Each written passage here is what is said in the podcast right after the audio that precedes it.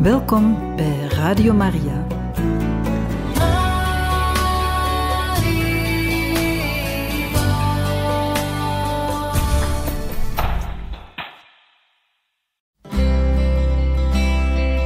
Welkom bij Boekat, een programma van Radio Maria.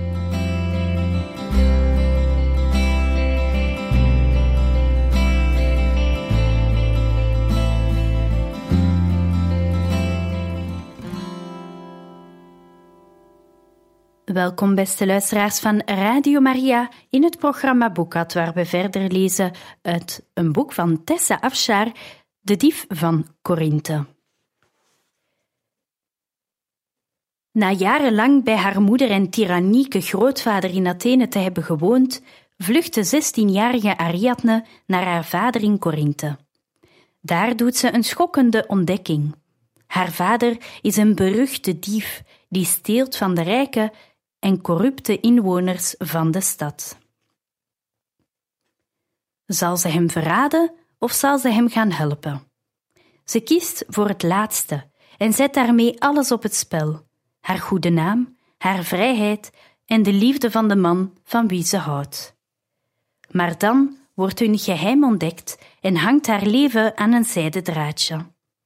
Durft ze te vertrouwen op haar nieuwe vriendschap met de Joodse rabbijn Paulus, wiens radicale boodschap vraagtekens zet bij alles waar ze tot nu toe voor heeft gevochten?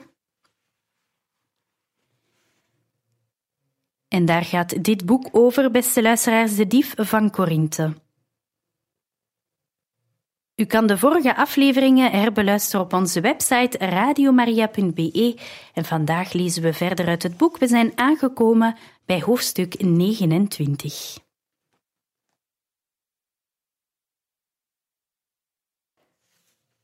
Ik dacht dat ze mijn uitspraak zou ontkennen, dat ze uitvluchten zou zoeken, boos zou worden. Maar ik had haar eenzaamheid onderschat. God had het geweten, natuurlijk. Ze begon te huilen. Niet met bevallige traantjes, maar met hijgende, jammerende uithalen die je hart verscheuren. Ze was geen vriendin van me, tot dat moment. Maar zulk diep lijden zien zonder medelijden te voelen is onmogelijk. De liefde is zachtmoedig. Als de liefde die het universum heeft gevestigd in je komt wonen, begin je ook naar zachtmoedigheid te neigen, geloof ik. Ik hield Claudia vast, eerst een beetje gegeneerd, maar gaandeweg met de troostende tederheid van een zuster terwijl de storm van haar verdriet door haar heen woedde. Eindelijk bedaarde ze en maakte ze zich met een verlegen ruk los uit mijn armen. Hoe wist je het? Haar aangeboren sluwheid liet zich weer gelden.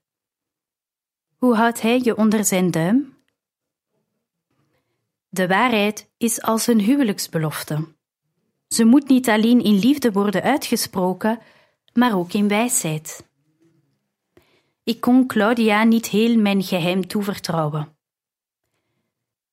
Ik sta op geen enkele manier bij je man in de schuld, maar ik ken iemand die dat wel doet. Ik wil hem graag bevrijden. En jou ook, als je me toestaat je te helpen. Ze lachte. Ik woon maandenlang met dat monster in hetzelfde huis en ik heb zijn schat niet gevonden. Waarom denk je dat jij dat wel kunt? Ik denk dat ik weet waar hij zijn rollen bewaart. Ik weet in elk geval hoe de kist eruit ziet en ik weet waar hij hem verbergt. Ze aarzelde. Ik voelde hoe hoop en twijfel in haar streden. Hoe kun je dat in vredesnaam weten? Laten we zeggen dat de voorzienigheid tegen me glimlachte. Waar dan? In een geheime alkoof in zijn tablinum.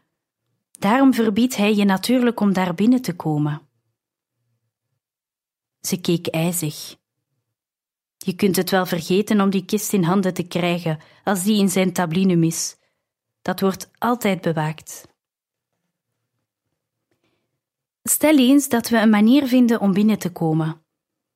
Ben je vrij van hem als je die kist vindt?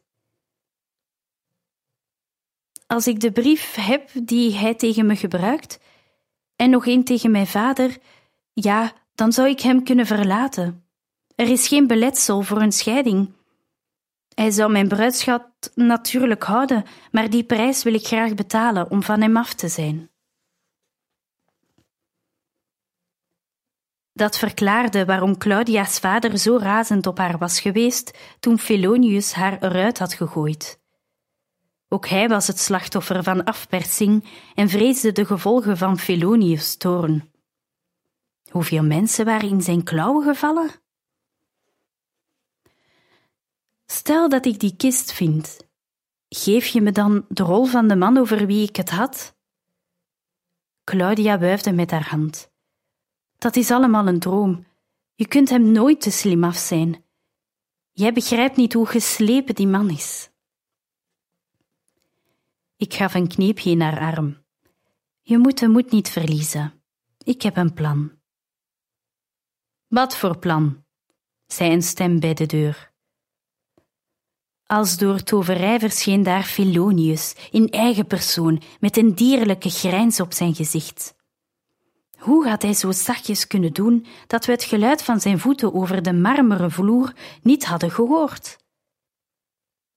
Claudia was veranderd in een stenen pilaar, verstijfd en koud. Als ze zich niet beheerste, zou Philonius haar verdenken van een complot.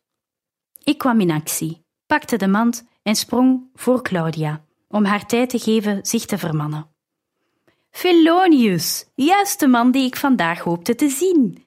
Ik breng u een geschenk van mijn geëerde vader Galenos. We beginnen een nieuwe handel in zeep. Het is bestemd voor de beau monde van Corinthe, zoals uw mooie vrouw en uzelf natuurlijk. Als we uw oprechte lof binnenhalen, is ons succes verzekerd. Hij slenterde naar binnen met lichte en atletische stappen voor een ruimschots middelbare man. Ik rook wijn toen hij dichterbij kwam. Handel waarin? Ik haalde een bal tevoorschijn die geparfumeerd was met rozemarijn en sandelhout. Zeep, het reinigt het haar. Ik bestudeerde de dunne rand grijs langs zijn voorhoofd en paste mijn uitleg vlug aan. Het haar en het lichaam. Het maakt het gebruik van een huidkrabber overbodig. Ik hoop dat u het zou willen uitproberen. Hij rook aan de bal en gooide hem op tafel. Hij nam plaats op de bank en nodigde me uit bij hem te komen zitten. Claudia zei: Ik zal wijn laten komen, en ging de kamer uit. Ik hoorde dat je vader met een enorme schuld is blijven zitten nadat zijn schip een paar jaar geleden is gezonken. De Paralus, toch? Ik had bijna bewondering voor hem. Hij had naar me uitgehaald met zijn klauw en de eerste klap uitgedeeld zonder met zijn ogen te knipperen. Hij had snel toegeslagen en me herinnert aan een ongeluk dat ik als privé beschouwde. Hoe was hij erachter gekomen dat vader schulden had?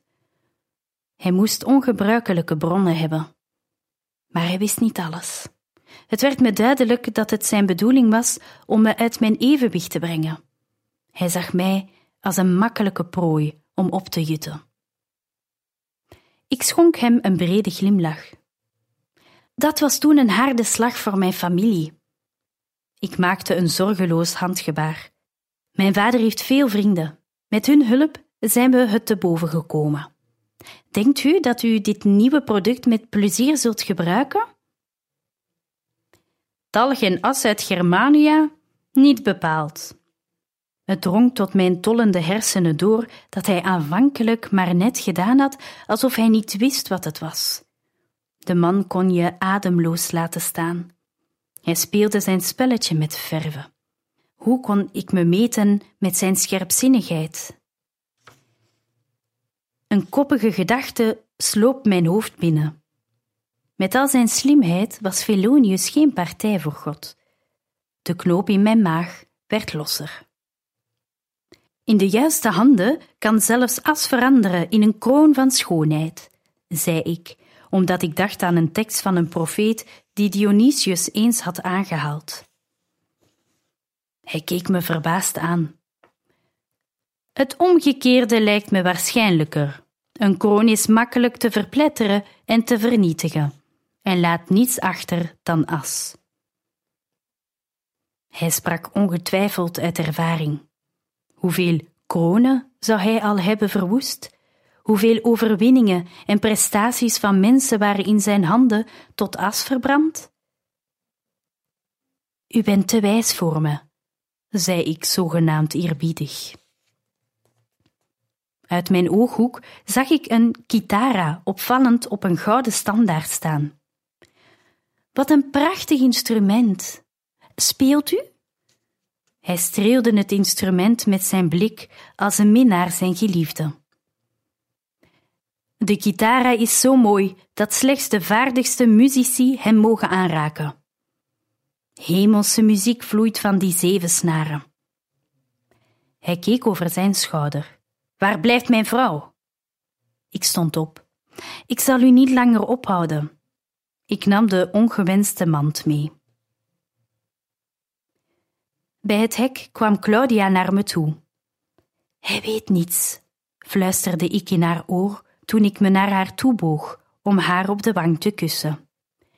Niet bang zijn, waarschuw me als je er klaar voor bent.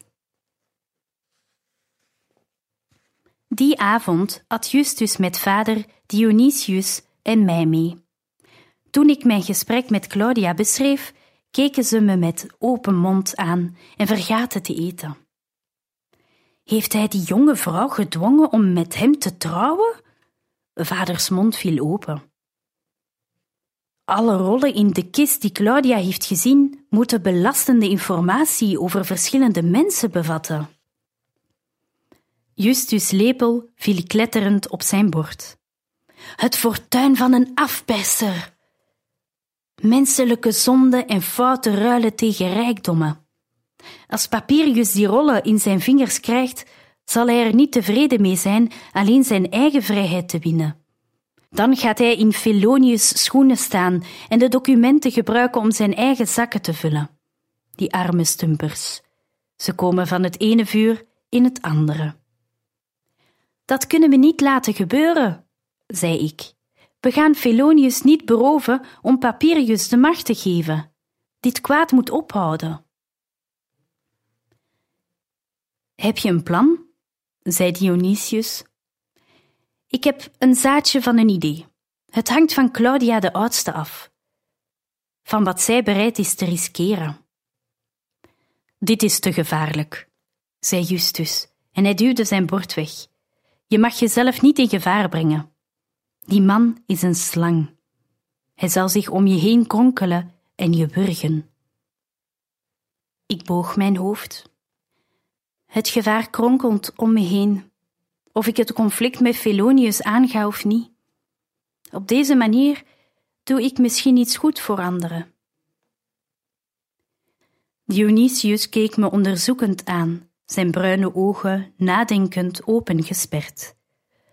Stel dat God de kreten van hen die worden onderdrukt en onder Felonius' voeten vertrapt heeft gehoord, en dat hij onze narigheid gebruikt als middel om hen te bevrijden. Hij zei het niet, maar we wisten allemaal dat vader en ik waarschijnlijk geruineerd uit deze strijd zouden komen. Kent iemand een bedreven gitaraspeler, een vrouw? Ik plakte een roekeloze glimlach op mijn gezicht. Ik toevallig, zei vader. De oudste dochter van Stefanus is beroemd om haar vaardigheden op dat instrument. Ze moet wel knap zijn. Ik denk dat je haar knap genoeg zult vinden. Als ze een juttezak zou dragen, zouden nog alle mannen naar Kara omkijken. Weet je of ze ons zou willen helpen? Ik zal het Stefanus eens vragen.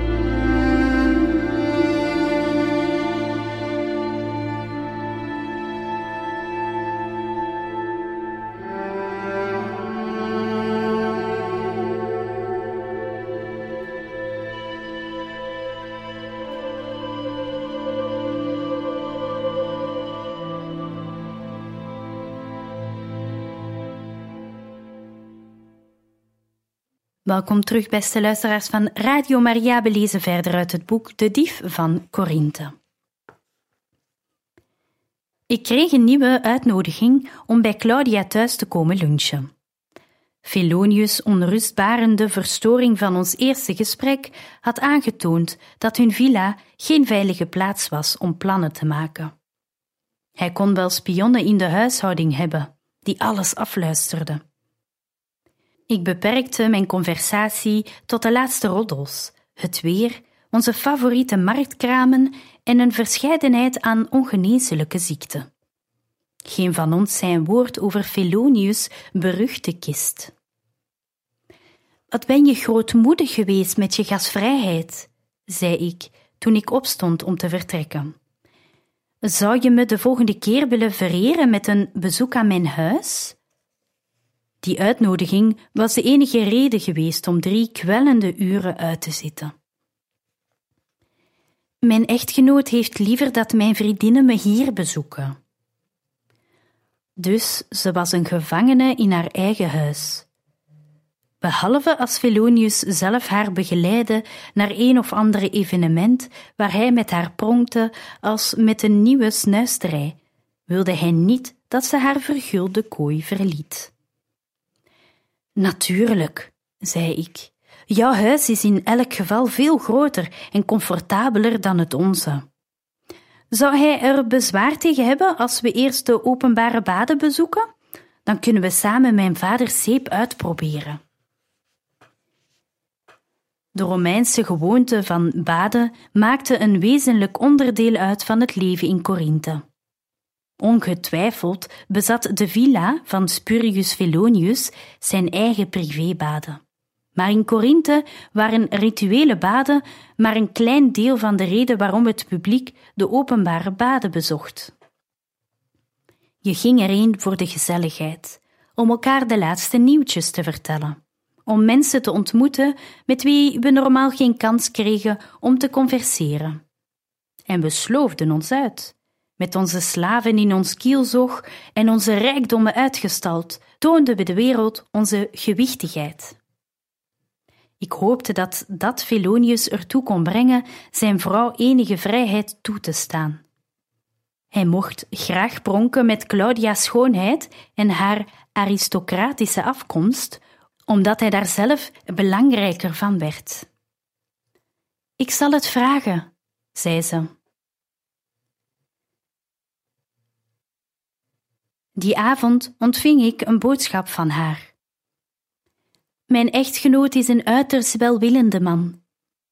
Hij moest over haar schouder hebben meegekeken terwijl ze schreef. Hij vindt het goed dat ik met jou de baden bezoek. Dan zie ik je morgen bij de publieke baden bij de tempel van Poseidon. De stad Corinthe bezat meerdere openbare baden.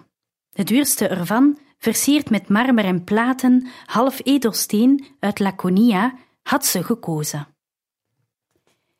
Ik breng mijn slaven mee. Ik neem aan dat jij dat ook zult doen, schreef ze. Daarmee bedoelde ze dat ze bewaakt zou worden door meer dan één spion. Ik zuchtte. Waarom was het leven niet wat eenvoudiger? De volgende ochtend klommen Delia en ik in de draagstoel van de huishouding en begaven ons door de straten van Corinthe naar de baden. De twee slaven die ons droegen, zetten de draagstoel voorzichtig neer en hielpen ons uitstappen. Claudia stond op ons te wachten, met twee gespierde reuzen en een pottige vrouw aan haar zijde. Gegroet, Claudia, riep ik met een joviale zwaai. Ben je klaar voor een glorieuze ochtend? Je bent vrolijk, zei ze humeurig. We betraden het openbare gebouw. De twee reuzen en haar slavin volgden ons stap voor stap. Ik trok een wenkbrauw op, maar zei niets. Bij de ingang betaalden we een bedrag om onze kleren in bewaring te geven, en daarna gingen we het frigidarium binnen, het vertrek waar zich een groot bad met koud water bevond.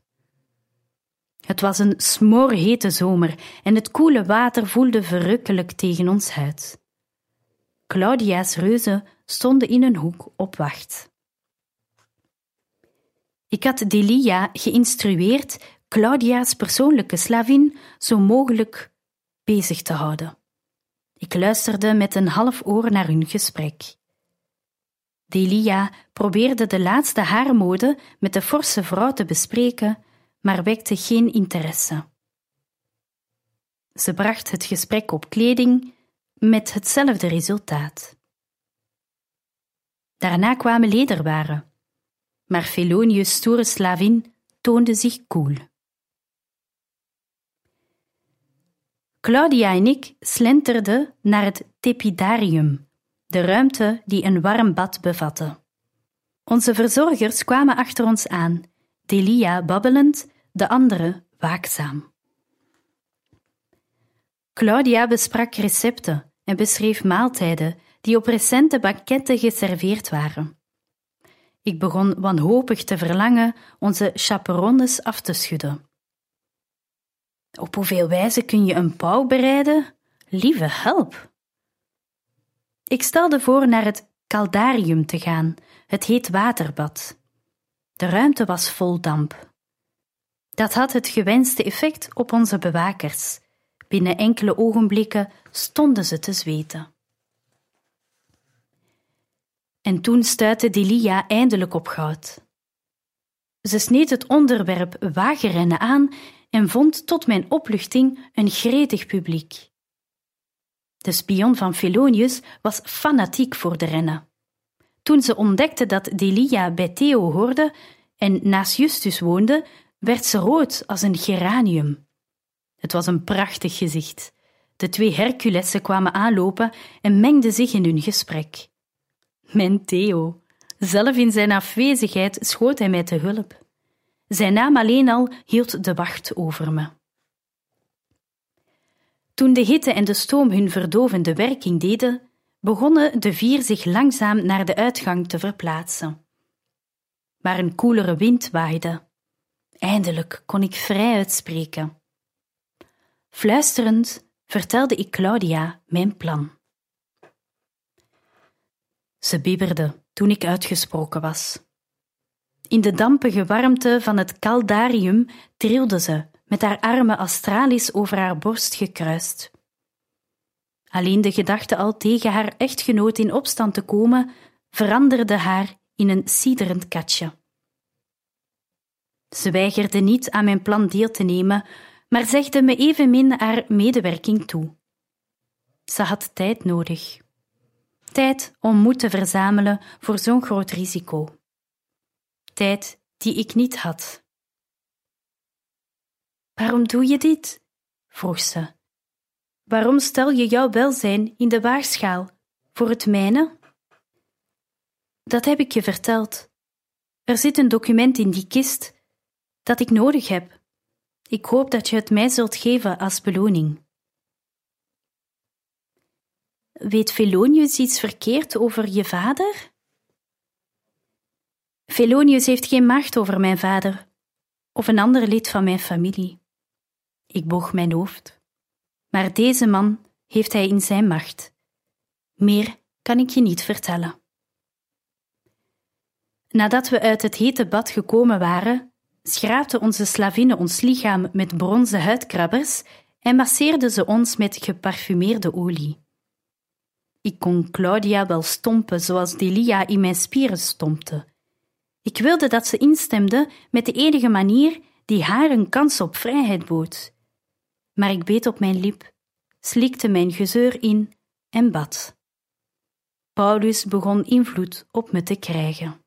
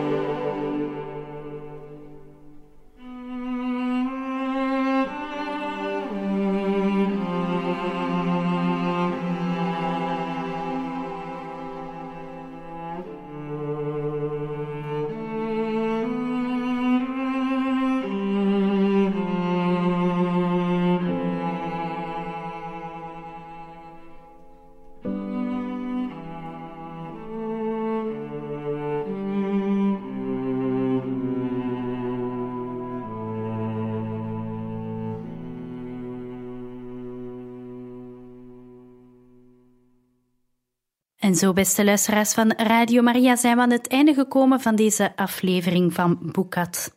Volgende keer zullen we verder lezen uit dit boek De Dief van Korinthe. Tot dan.